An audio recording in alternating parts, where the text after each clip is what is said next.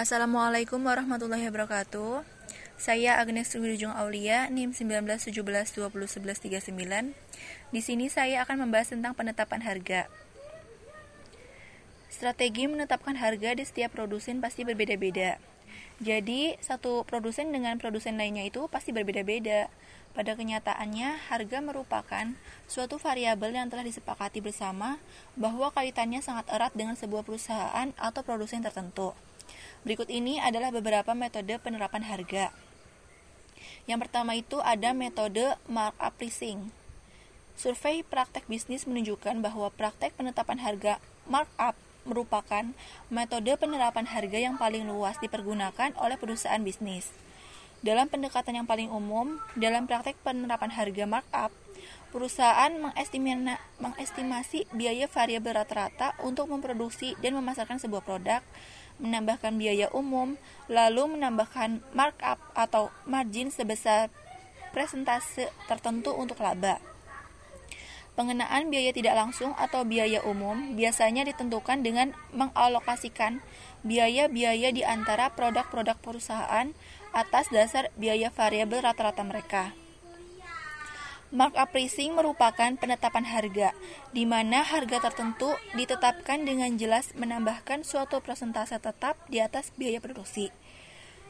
Markup pricing berbeda-beda dalam suatu swalayan. Itu karena sebab pertama adanya persaingan dalam kelas produk yang ada, yang kedua adanya volume penjualan produk tersebut, yang ketiga ada resiko yang terjadi di dalam menjual masing-masing produk tersebut. Nah, terdapat dua macam markup. Yang pertama itu ada markup atas biaya, yaitu selisih antara harga dan biaya yang ukur secara relatif terhadap biaya. Biasanya ini tuh diukur dalam persen. Nah, yang kedua yaitu ada markup atas harga. Selisih harga dan biaya yang diukur secara relatif terhadap harga diukur dalam persen.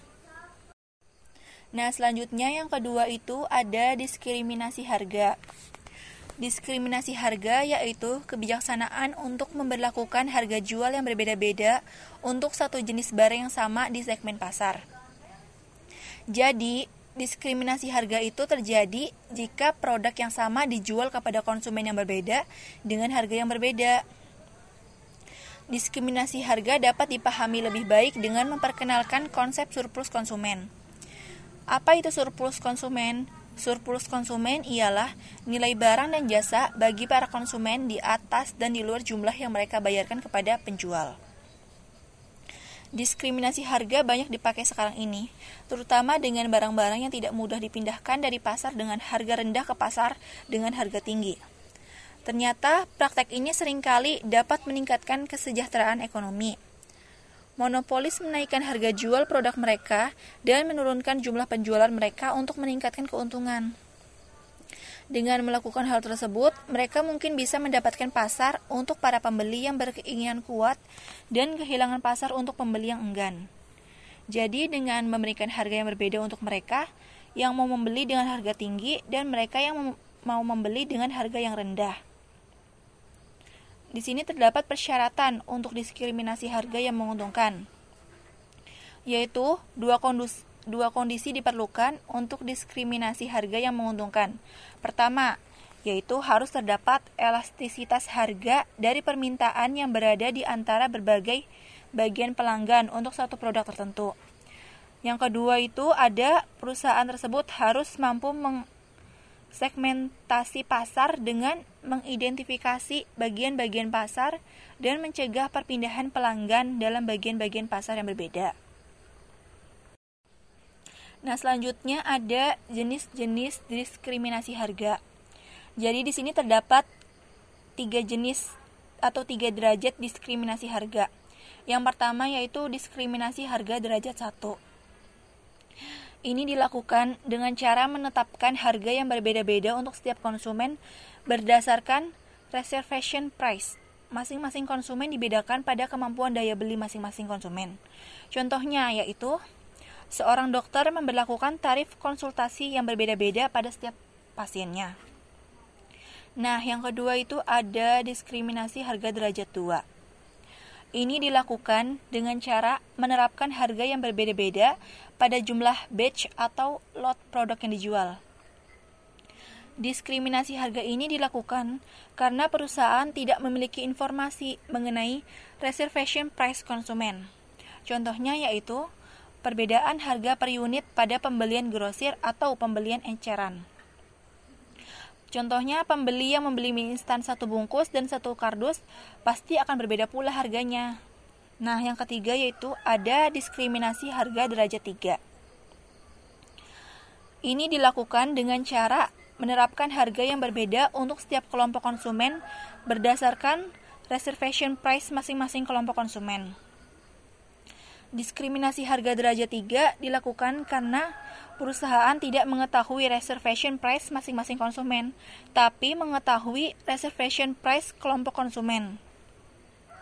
Nah, jadi kelompok konsumen itu dapat dibedakan. Yang pertama atas lokasinya, geografisnya, maupun karakteristik konsumen seperti umur, jenis kelamin, pekerjaan, atau lain-lain. Contohnya yaitu barang yang dijual di pedesaan dan di perkotaan akan berbeda harganya. Nah, selanjutnya yang ketiga itu ada metode harga produk berganda atau multiple product pricing. Model mikroekonomi dasar dari suatu perusahaan mengasumsikan bahwa perusahaan memproduksi suatu produk yang homogen. Hampir semua perusahaan memproduksi setidaknya beberapa model, gaya, atau ukuran dari keluaran mereka, dan masing-masing variasi ini dipandang sebagai produk yang terpisah untuk maksud penetapan harga. Walaupun penetapan harga produk berganda mengharuskan analisis yang sama seperti untuk satu produk, analisis ini diperumit dengan adanya keterkaitan permintaan dan produksi. Di sini terdapat dua keterkaitan permintaan dan produksi. Yang pertama itu ada keterkaitan permintaan. Keterkaitan ini timbul karena persaingan atau sifat saling melengkapi di antara berbagai produk perusahaan. Analisis keterkaitan permintaan mempengaruhi keputusan harga melalui pengaruh mereka terhadap pendapatan marginal. Nah, yang kedua itu ada keterkaitan produksi. Seperti produk-produk perusahaan yang dapat berkaitan melalui fungsi permintaan. Produk-produk itu juga dapat berkaitan dalam produksi. Jadi beberapa produk itu dapat diproduksi bersama-sama dalam rasio yang tetap atau dalam proporsi yang dapat divariasikan. Nah, itu saja penjelasan yang dapat saya sampaikan. Wassalamualaikum warahmatullahi wabarakatuh.